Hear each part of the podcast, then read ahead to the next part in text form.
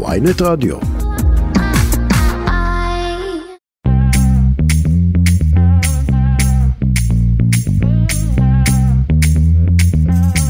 שלום לכם, אתם על כסף חדש, הפודקאסט הכלכלי היומי של ynet, יום ראשון, 28 במאי. גם השבוע הזה נפתח עם בשורות מבאסות לנו הישראלים. דיפלומט מדווחת הבוקר שהיא צופה העלאות מחירים השנה. גם יוניליבר הודיע שתייקר מוצרים למסעדות, לבתי קפה, ויש עוד uh, התייקרות אחת משמעותית בהולד, שתיכנס לתוקף בהמשך השבוע, של מוצרי החלב המפוקח. תכף נשוחח עם כתבתנו נבית זומר על מה צפוי לנו, ואיך הממשלה מנסה להראות לפחות שהיא נלחמת ביוקר המחיה. להקים ועדה זה אומר, אנחנו לא עושים כרגע, לא מביאים לכם שום פתרון פרקטי ומיידי שיקל באופן מעשי על הכיס שלכם. עוד לפני זה, נפתח את הפרק היום עם הדוקטור ינאי שפיצר מהאוניברסיטה העברית בירושלים, שינסה להסביר לנו מה קורה לשקל בחודשים האחרונים, וספציפית למה הוא נחלש כל כך בשבוע האחרון וגם הצפוי בהמשך. החל מתחילת חודש פברואר, פתאום שער הדולר פרץ את הדפוס הזה. זאת אומרת, קרה איזשהו משהו חריג. האם זו הפיכה משטרית? הנתונים לא יכולים להגיד לנו את זה, אבל קשה לחשוב על תופעה אחרת ש... שגרמה לדבר הזה. לקראת סוף בסוף הפרק שלנו היום נדבר עם אמנון אמונה, האיש על הגריל בקבב אמונה בבאר שבע. הוא יספר לנו איך ההתייקרויות המשמעותיות במחירי הבשר, איך זה משפיע על העסקים שלו, על הקבב בבגט ועל הפרגית בפיתה, ובכלל על כל תעשיית אוכל הרחוב שנאלצת להעלות מחירים והופכת את הפיתה שלנו ליקרה הרבה הרבה יותר בשנה האחרונה. הקושי הזה של אה, להוציא 45 שקלים על סנדוויץ' זה קושי שהוא באמת אה, מורגש אצלנו. אני רועי כץ, עורכת את הפרק שקד אילת, תום חלד על הביצוע הטכני, כסף חדש. בואו נתחיל.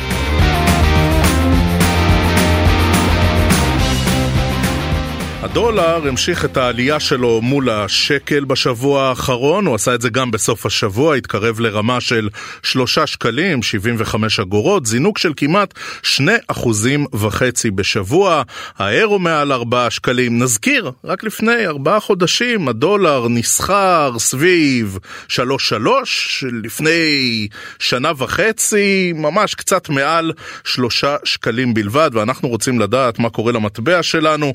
אומרים שלום לדוקטור ינאי שפיצר, שלום אדוני. שלום רועי. מרצה במחלקה לכלכלה ובתוכנית לפילוסופיה כלכלה ומדעי המדינה באוניברסיטה העברית בירושלים, חבר בפורום הכלכלנים. דוקטור שפיצר, אנחנו יודעים ש... אתה יודע, אנחנו רואים מה קורה פה בחודשים האחרונים, ואנחנו יודעים שלפעמים אומרים לנו שקורלציה היא לא סיבתיות, אבל קשה לנתק בין המהלכים פה, נכון? אה, נכון מאוד, אנחנו יודעים שהשקל, שער הדולר זה אה, מדד שהוא תנודתי מאוד. אנחנו, אם נסתכל על מה שקרה למשל ב-2022, אז הוא, הוא, הוא עלה וירד, הוא יכול לזוז בעשרות אגורות. השקל יכול לנוע מ... אה, סליחה, שער הדולר, שהוא בעצם אה, משקף לנו את, ה, אה, את הערך של השקל ביחס לדולר, יכול לנוע בצורה מאוד הקטית. אבל מסתבר שדווקא במקרה של ה... במשק הישראלי, יש לנו דרכים טובות לדעת, לבודד אירועים חריגים אה, שמשפיע, שמשפיעים על שער, שער הדולר אה, מהדברים השגרתיים. ובעצם יש כאן תופעה מעניינת שהיא אה, לא לגמרי ייחודית למשק הישראלי, אבל היא מאוד מאוד חזקה בו, שהשער הדולר בזמנים רגילים בדרך כלל משקף באופן מוחלט את מה שקורה דווקא בשוק המניות האמריקאי.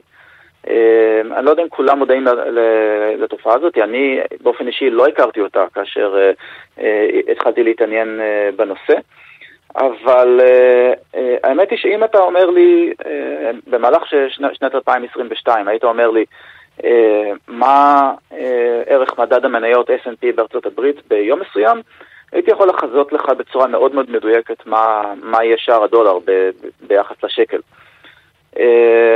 וזה אומר שאפשר להשתמש בחריגות מהתחזית הזאת כדי לזהות דברים שמשפיעים על, דברים נוספים שמשפיעים על שער הדולר. רגע, אז אני פותח פה במ... שנייה סוגריים, אתה יודע, כי אנחנו ייחסנו את אירועי השבוע האחרון ואת היחלשות השקל להתבטאות של הרמטכ"ל הרצי הלוי בכנס הרצליה, ולזה שאמרו לנו שהרפורמה המשפטית חוזרת, והופתענו מזה שאחרי שאושר התקציב לא קיבלנו איזה סנטימנט חיובי, אבל אתה אומר, לא, לא, זה קשור לדברים אחרים.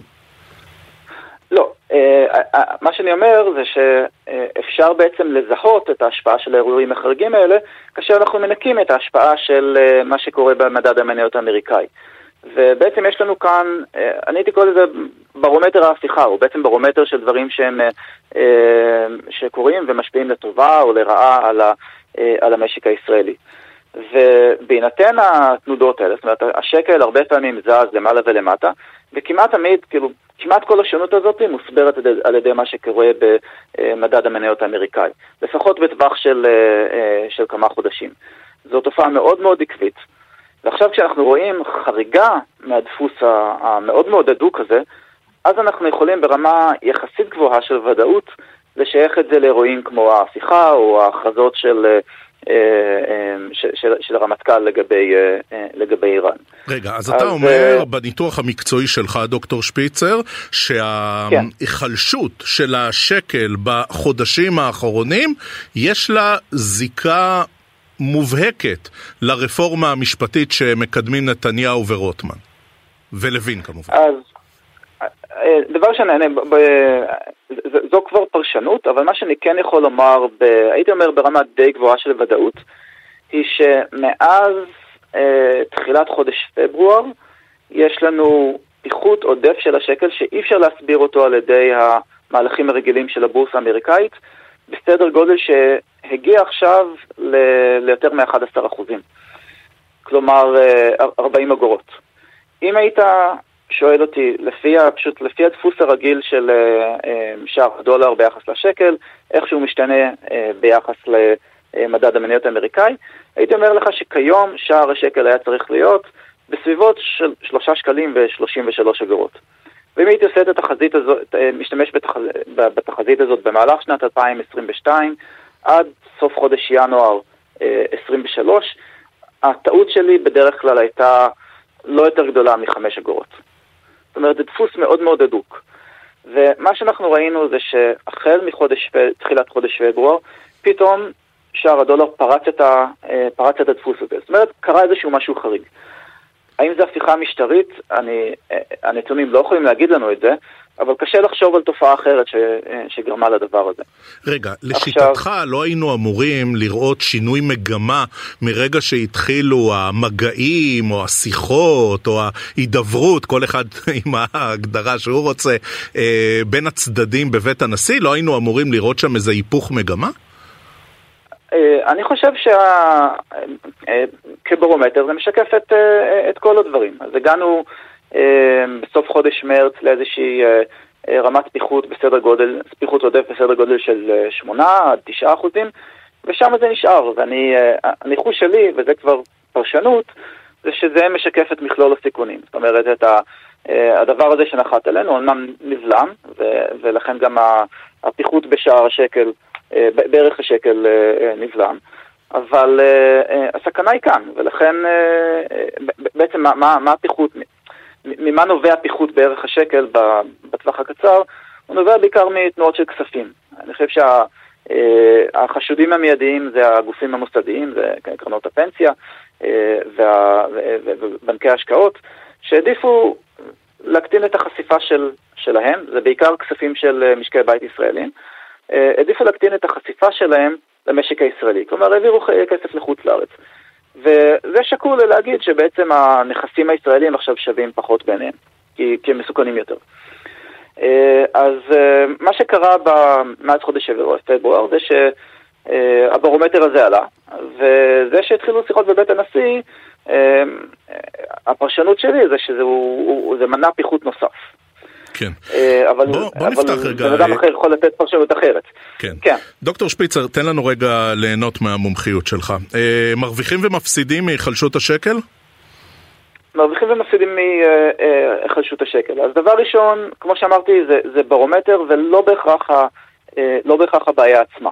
אבל כן אפשר לדבר על נזקים וגם תועלות ש, שיש למשק הישראלי מהדבר הזה.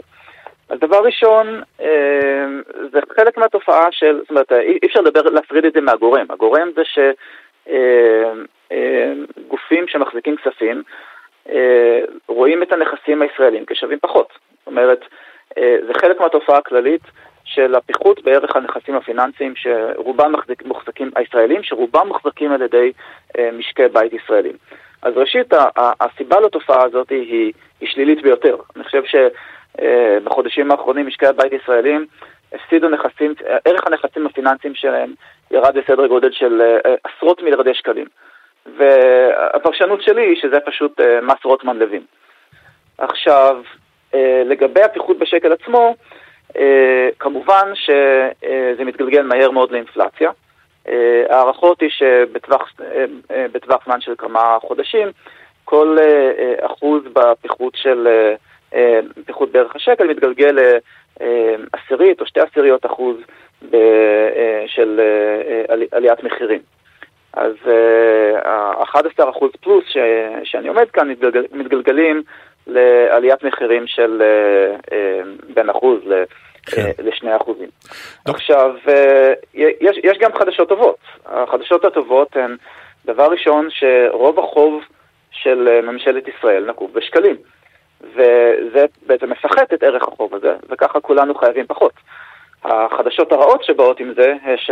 אה, היא שהן שרוב החוב הזה הוא בידיים שלנו. זאת אומרת, בעצם יש כאן איזשהו סוג של מיסוי של, המשק, של משקי הבית על ידי הממשלה, אבל מיסוי שאף אחד אה, אף אחד לא רואה אותו. האג"חים שלנו שווים, אה, אה, שווים פחות, וגם החוב, החוב של ממשלת ישראל שווה פחות. ובטווח הקצר גם יש את ההשפעה על יצואנים, שזה אמור להשפיע עליהם, על הרווחים שלהם לטובה, וזו השפעה, השפעה אה, קצרת טווח שלא הייתי רוצה לייחס לה יותר מדי אה, אה, משמעות.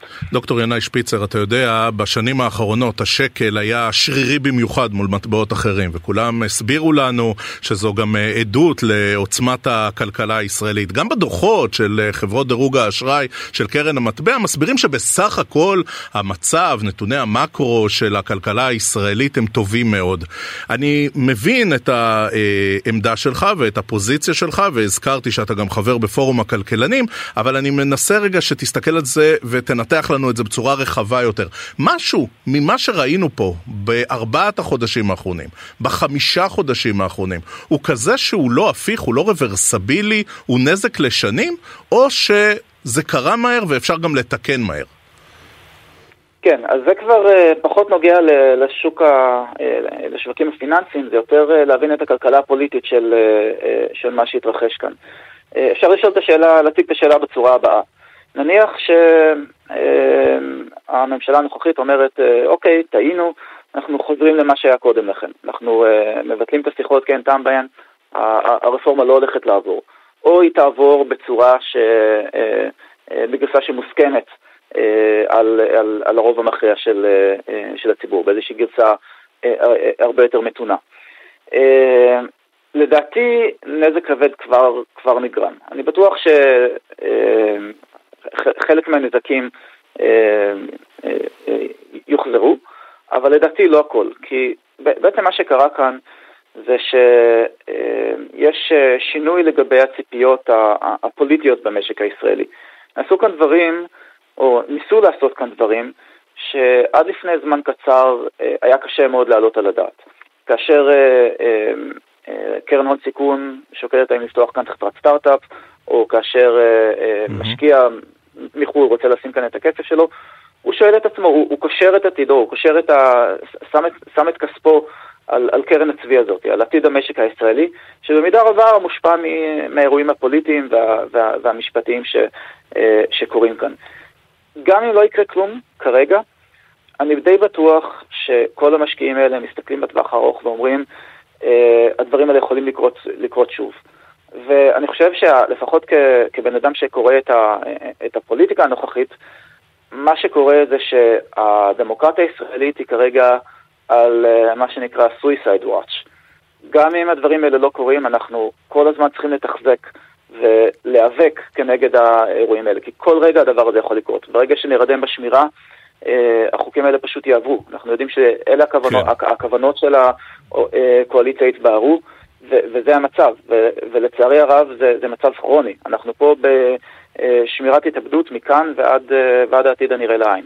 דוקטור ינאי שפיצר, מרצה במחלקה לכלכלה ובתוכנית לפילוסופיה, כלכלה ומדעי המדינה באוניברסיטה העברית ירושלים, חבר בפורום הכלכלנים. תודה דוקטור שפיצר שהצטרפת אלינו לפודקאסט הכלכלי של ynet כסף חדש, תודה רבה לך. תודה שהזמנתם אותי. כסף חדש כסף חדש, הפודקאסט הכלכלי של ynet, אנחנו ממשיכים. הבוקר דווחנו על עוד שתי העלאות מחירים שצפויות להשפיע על הכיס שלנו בקרוב. דיפלומט מדווחת בדוחות כספיים שתעלה מחירים בשנה הקרובה, אחרי שרק החודש יקרא כבר חלק מהמוצרים שלה. יוניליבר מודיעה לבתי קפה ולמסעדות על העלאות מחירים, מה שתמיד מתגלגל אלינו בסופו של דבר, וגם מחיר מוצרי החלב המפוקחים יעלה השבוע. השבוע אנחנו רוצים לעשות בזה סדר. שלום, נבית זומר, כתבת ynet וידיעות אחרונות. שלום וברכה. ברשותך נבית, מתחילים בדיפלומט, כי למרות שהשם אה, לא מוכר לכולנו, דיפלומט היא יבואנית ענקית של הרבה מאוד מוצרים שיש בכל בית, נכון? נכון. דיפלומט קודם כל אה, משווקת בארץ ו... גם סוג של מייבאת את אה, מוצרי פרוקטר אנד גמבל, שזה חיתולים אה, חד פעמים, פמפרס, וזה ג'ילט, עסקי גילוח, והד אנד שולדרס, ויש לה גם, סליחה, מותגים משל עצמה אה, בתחום המזון, כמו סטארקיז, כמו אוראו, הרבה מאוד מוצרים. עכשיו, הרבה מאוד מוצרים. עכשיו, מה בעצם דיפלומט אומרת בדוחות? דיפלומט פשוט נמאס לה כנראה כל פעם להתנצל. אז היא אומרת מראש בדוחות, הספקים מחו"ל הודיעו שימשיכו אה, לדרוש העלאות מחירים, ובהתאם לכך אנחנו נגלגל את זה על הצרכן, כי אחרת זה יפגע בתוצאות הכספיות שלנו. זה לא משהו שקורה כרגע, אבל אנחנו מזהירים אתכם. או בוא נגיד, אנחנו מראש מודי, אה, פותרים את עצמנו מלהסביר כל פעם מחדש. עכשיו, הם כבר העלו מחירים בחודש האחרון, נכון? בחודש האחרון הם העלו מחירים עד 25 אחוז. זה היה לאחרי, אח, אה, לאחר שפעם קודמת שהם ניסו להעלות מחירים, אם אתה זוכר, היה עוד הממשלה הקודמת ושר האוצר ליברמן ושרת הכלכלה אורנה ברביבאי, אה, לחצו עליהם מאוד, לחצו אז על כל מי שניסה לעלות, ובסופו של דבר הם נסוגו. אז ההעלאה הגיעה באמת בתחילת החודש, אפילו עוד לא נכנסה לתוקף, היא תיכנס לתוקף ביוני. אנחנו נמצאים ממש בצונאמי. זה, זה כל אני יום... אני אומרת שצריך, רועי, במקום כל פעם לשאול אותי, להתרגל שזה שגרת יומנו. אנחנו קמים בבוקר, שואלים מה עלה היום, מקבלים תשובה וממשיכים ליום הבא. נכון, רק שנגיד, כמו שציינת בתשובה קודמת שלך נבית, זה שאת אה, דיפלומט אנחנו פוגשים בכל מעבר שלנו בסופר, נכון? זה, זה מתחומים שונים וזה מכל מיני, uh, פה מזון ופה הזכרת חיתולים ופה מוצרי גילוח, אבל קשה מאוד נכון. לברוח מדיפלומט בעגלת הקניות השבועית שלנו. יש שתי חברות יבוא גדולות בתחום הזה של הטואלטיקה ומזון, זה דיפלומט ושסטוביץ'. אה, שסטוביץ' היא פרטית, אז אנחנו לא רואים את הדוחות שלה. ודיפלומט לדעתי עשתה טעות גדולה ויצא לבורסה, ומאז אנחנו, כל מספר הוא מספר של הבוחנים ומאירים. כן. כן. טוב, אה, בואי... אבל כן... ברשותך... דרך אגב, רועי, בנושא ששאלת, זה בדיוק הסיבה שאומרים שהמשק המזון הישראלי, שוק המזון הישראלי הוא מאוד ריכוזי. למה? כי יש עשר חברות גדולות, מתוכם כמה יבואנים גדולים, שבעצם מביאים מגוון כל כך גדול של אה, מותגים ומייצגים כל כך הרבה חברות מחו"ל, שהם שולטים פה בשוק. ומיוקר ליוקר, בואי נדבר על יוניליבר, שהודיע לשוק המוסדי על אה, התייקרות, איך אה, זה ישפיע עלינו? ברור שזה ישפיע עלינו, מפני שבתי הקפה, שגם הם נאנקים בסופו של דבר כמו משק בית, תחת עליות המחיר. זאת אומרת, אם יש ארוחת בוקר נגיד המוצר הכי שגרתי בבית קפה. אז תחשוב שמוצרי החלב התייקרו רק לאחרונה. וזה כולל את הגבינות והחמאה והלחם אה, מתייקר, נכון? אז גם אם הם לא עם לחם מפוקח, אז אה, אנחנו מחכים בהתאמה שיהיה העלאה של סוגי הלחם הלא מפוקחים. והשמן יתייקר להם, והשכר עבודה, וברור שבאה יוניליבר ומייקרת להם את המוצרים שלה, שזה, דרך אגב, זה במארזים מאוד גדולים, זה לא סתם אה, השוק המוסדי הוא מופרד. זה מיונזים, זה סוגים של רטבים שונים, ריבות, אה, אתה יודע, יוניליבר גם אה, יש לה מגוון מאוד רחב, משוקולדים ועד אה, אה, דאודורנטים. כן, ואנחנו גם לקראת עלייה של אה, מחירי מוצרי החלב המפוקחים, גם זה קורה השבוע. אז זהו, מוצרי החלב חסר עוד אחוז אחד, זה לא בהפתעה, זה אנחנו כבר יודעים, חסר עוד אחוז אחד כדי להגיע ל-9.28 שאחוז התייקרות שסיכמו עליו המחלבות והאוצר. אז uh, אנחנו מחכים לראות, צריך להיחתם צו בשביל שהאחוז הזה ייכנס לתוקפו. אם הוא לא ייחתם, מצבנו יהיה גרוע יותר, ייכנס לתוקף צו ישן שמורה על העלייה של 16% במוצרי החלב. או. טוב, כן. אה, עוברים קצת לפוליטיקה, מפני שאחרי שאושר התקציב, פתאום אה, נזכרו בקואליציה בממשלה שהם הבטיחו המון דברים בקמפיין עוד, אז לפני נובמבר לגבי יוקר המחיה, היום בישיבת הממשלה מודיעים על ועדת יוקר מחיה. מה המשמעות של זה אם בכלל? יש לי רק שתי מילים לזה, קצף על המים. אה, להקים עוד ועדה, אתה יודע כמה ועדות כבר היו על ריכוזיות ומונופולים ויוקר המחיה. להקים ועדה זה אומר, אנחנו לא עושים כרגע, לא מביאים לכם שום פתרון פרקטי ומיידי שיקל באופן מעשי על הכיס שלכם.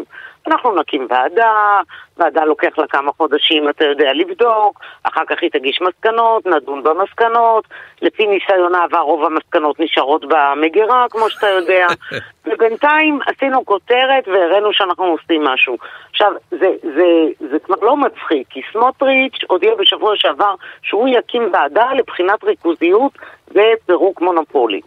ושר, וראש הממשלה הודיע שהוא יקים ועדה בכותרת כוללנית יותר לבחינות, לבחינת פתרונות ליוקר המחיה. ושר הכלכלה, ברקת, אמר שהוא יפטר את ה... הוא רוצה לפטר את אה, הממונה על רשות התחרות כי היא אשמה בזה שלא נלחמים ביוקר המחיה. אבל כשאתה מסתכל על כל הכותרות האלה, בתכלס אין בהן שום דבר מיידי ופרקטי. ממשלה שבאמת רוצה להקל על האזרח שלה, יכולה לעשות דברים מיידיים, כמו להחליט שהיא מורידה במידה מסוימת אפילו את המע"מ על מוצרי, על סל מוצרים בסיסי, אפילו לא על כל מוצרי המזון. היא יכולה להודיע שהיא מתקצבת ומתמרצת עוסקים קטנים ועסקים קטנים כדי להגביר את התחרות. היא יכולה להקל על עסקים, אחרי עסקים עומדים אנשים בסופו של דבר, אה, בהורדת הארנונה. שהיא מאוד יקרה לעסקים. המון המון צעדים שהם מיידיים ואפשר לעשות אותם. כן. אבל הכי קל זה להקים ועדות. אמ, אה, לא, לא, אני נצמד להגדרה שלך, קצף על המים. טוב, אה, הזכרת רשות כן. תחרות, ומתפרסם שרשות התחרות מתחילה לבדוק מה קורה עם הריביות בבנקים. אנחנו עוסקים בזה בוויינט כלכלה הרבה הרבה, נכון. ודיברנו בשבוע שעבר עם המפקח על הבנקים, וגם עם נגיד בנק ישראל בנושא, אפשר אה, להפנות את המאזינים לפרקים קודמים. איך רשות התחרות נכנסת לעניין? זהו, זה קצת מפתיע. קודם כל היא לא פתחה בחקירה, היא פתחה בבדיקה, וגם, זה לא חדש, היא בספטמבר הודיעה, אה, זאת אומרת, בספטמבר התפרסם שהיא ביקשה נתונים מהבנק בנושא ריביות, ועכשיו זה שלב ב' שהיא מבקשת עוד נתונים. אז זה לא חדש. איך היא נכנסת לזה? זו באמת שאלה טובה, כי כמו שאמרת בפרקים הקודמים של ynet, גם אה, אה, המפקח על הבנקים, שאמר שאין הוראה ואין איזה חוק שמחייב את הבנקים אה, לעשות התאמה בין הריבית שהם משלמים על הפקדונות לבין הריבית שהם גובים על, ה... גובים על ההלוואות. וש... והמפקח על הבנקים הוא הרי מי שאמון אה, לפקח על הבנקים מכוח חוק הבנקאות. ומעבר לזה, אתם גם דיברתם עם בנק ישראל שאמר שהוא מתנגד להתערבות אה, בתוך אה, כל הנושא הפנימי הזה של הריביות. אז באמת אה, רשות התחרות יכולה לבוא רק מכוח חוק התחרות. ואז אה, זה באמת שאלה מה, מה היא בדיוק אה, יכולה לעשות. האם בסופו של עניין היא תגיש המלצות על הגברת התחרות, אתה יודע, בבנקים, ואז זה אולי יוריד את הריביות? כי אני לא רואה איך היא מתערבת בריבית עצמה, בפערי הריבית עצמם, שזה מה שמציק לכולם. כן. ובהיעדר uh, תכלס, כולם עסוקים פה, כולם עסוקים פה בשיימינג, כן. זהו, שזה לא עוד uh, חלק מהעשייה הזאת, שהנה עשינו, הנה פתחנו בבדיקה, שמאחוריה בסופו של דבר, תראה, בדיקות של התחרות זה המון המון זמן. אם אתה זוכר, לפני שלוש שנים כמעט פתחה הרשות בחקירה בנושא. מנהלי רשתות שיווק שאמרו בפומבי או הצהירו בעיתון שלא יהיה, שזה לא נמנע עליות מחירים. כן, אפשר להצמיד את הדוחות האלה לאלו של אה, הוועדות מעשר דקות מוקדם יותר בשיחה. נבית זומר, כתבת ynet, ידיעות אחרונות, תודה, תודה רבה שהצטרפת אלינו לפרק הזה של כסף חדש. תודה נבית. תודה לכם, ביי.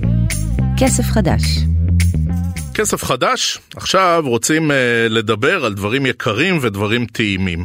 עליות המחירים מורגשות בכל תחום כמעט, אבל עליית מחירי הבשר והעוף בשנים האחרונות בישראל גבוהה במיוחד אפילו לעומת עליית המחירים הכללית. לפי מדד המחירים לצרכן, חודש אפריל האחרון מחירי בשר בקר עלו בשנה האחרונה ב-6.5%, העופות התייקרו ב-12 אחוזים. זה יקר מאוד מאוד, ומי שאוהב את הקבב שלו בבגט או בפיתה, או את הפרגית בבגט או בפיתה, מוצא את עצמו משלם יותר. אנחנו רוצים לדבר עם מומחה בתחום. שלום, מקבב אמונה, בבאר שבע. שלום, אמנון נמונה. שלום וברכה. תגיד, זה נהיה כן. נורא יקר, נכון? נכון מאוד. אנחנו חיים במציאות אה, ממש הזויה. המחירים עולים אה, אה, כל תקופה ממש קצרה, בעיקר בחגים. אם יש לנו עצמאות או יש לנו פסח או דבר כזה, השבועות זה פחות, אבל ישר עליות המחירים בגלל הביקוש הגדול שיש לבשר, וגם במסעדות אנחנו מרגישים את זה מאוד. אז אה, כך שהעליות של הבשר ושל כל חומרי הגלם, אה, זה הפך להיות ממש אה, קשה, ואנחנו משתדלים לא להעלות מחירים כל שני וחמישי בעקבות העליות האלה, אבל בכל זאת המנות שלנו הפכו להיות די יקרות. רגע, אז למי, ש... אז, אז למי שלא מכיר, קבב אמונה זה אחד המקומות הטובים במדינת ישראל. המנה של קבב בבגט זאת מיתולוגיה ישראלית של ממש. אמנון, בכמה אה, מוכרים אצלכם אה, היום אחרי צהריים קבב בבגט? קבב בבגט אנחנו מוכרים, זה בא עם שלושה שיפודים שזה בסביבות 170 גרם בשר. אם מקבלים עם זה צ'יפס בצד וחמוצים, ואפשר לשבת במסעדה לאכול את זה. זה 45 שקלים. ולפני אה, נגיד חמש שנים, בכמה מכרת? אה, לפני חמש שנים זה היה אה, 28. אה, או וואו, באחוזים. זה הרבה? זה, הרבה מאוד, אה, תשמע, תקופות אה, מאוד קשות עכשיו אנחנו עוברים פה בנושא הזה של הבשר. ותגיד, אה, המעריצים של הקבב שלך, הם מתלוננים? אתה אומר להם, רגע, כמה זה עולה? והם אומרים, הלו, מה קרה? אכלנו פה לפני שנה, שנתיים, היה הרבה יותר נכון. זול? אנשים מתלוננים? כן, בוודאי.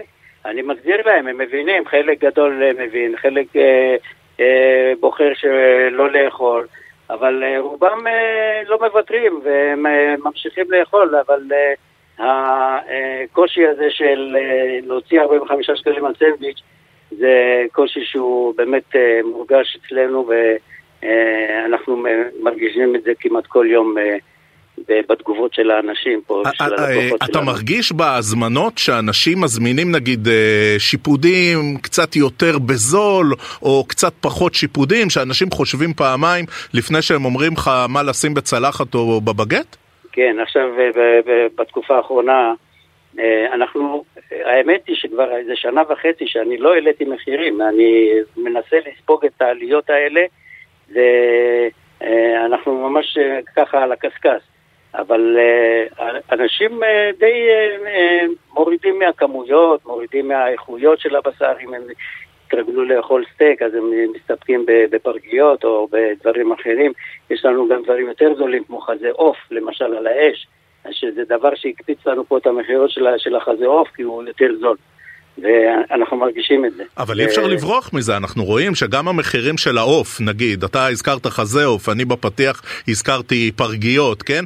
אפילו כן, המחירים פרגיות. של העוף שנתפסו פעם כמשהו יותר זול לעומת אה, נכון. בשר אדום, לעומת בשר בקר, גם המחירים שם קופצים. נכון, גם המחירים של הפרגיות. מה זה, בקצב הזה אנשים יחזרו לאכול פלאפל, אמנון? אה, כן, גם פלאפל לא זול. אבל אה, אבל uh, אני אגיד לך, הפרגיות, uh, מעלים את המחיר של הפרגיות לקראת החגים. פעם זה היה עולה, וזה היה יורד אחרי החג, היו מורידים את זה חזרה לאותו... אבל עכשיו זה הפך להיות מין, מין נוהג כזה, שכבר הגיע לאיזשהו טופ, יאללה בוא נמשיך, אז זה ממשיך להיות על ה-45, 47 שקלים פלוס מע"מ. זה מחירים מאוד מאוד גבוהים שאי אפשר אה, להתמודד איתם. יש פחתים, יש אה, אה, שינוע ועבודה וכל מיני דברים אחרים ש, שמתלווים לזה. ובסוף כשזה מגיע לצלחת זה כן. אה, הופך להיות מאוד אה, יקר. אמנון, בשקט בשקט, אף אחד לא מקשיב לנו עכשיו.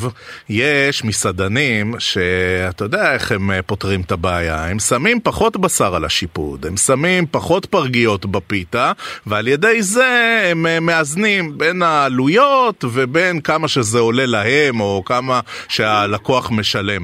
איך זה אצלך? אני, אני לא מכיר את זה, אני, אנחנו לא עושים את הדברים האלה. בפרט שיש לי, אה, אני לא יודע אם אתה יודע, אבל המסעדה שלנו בת 60 שנה, מעל 60 שנה, ויש לי לקוחות קבועים פה שיודעים בדיוק מה הם צריכים לקבל, אי אפשר לעבוד עליהם. אמנון אמונה, אה, קבב לא אמונה בבאר שבע, ברחוב קק"ל, תשמע, אה, לי יש געגוע גדול לקבב שלך, תודה, תודה רבה. אתה מוזמן. אה, בכיף, תודה רבה לך. תודה. ושנדע ימים טובים יותר. אמן, וגם זולים יותר, וגם טעימים יותר. אה, אנחנו מסיימים את כסף חדש, הפודקאסט הכלכלי של ynet להיום, יום ראשון. נגיד תודה לשקד אילת שערכה, נגיד ל... תום חלד, תודה רבה, כי הוא היה לביצוע הטכני של הפרק. אני רועי כץ, צחי שדה יהיה איתכם מחר יום שני וידבר איתכם על עוד הרבה דברים שמשפיעים על הכיס של כולנו. עד אז, שיהיה לכם המון המון כסף חדש.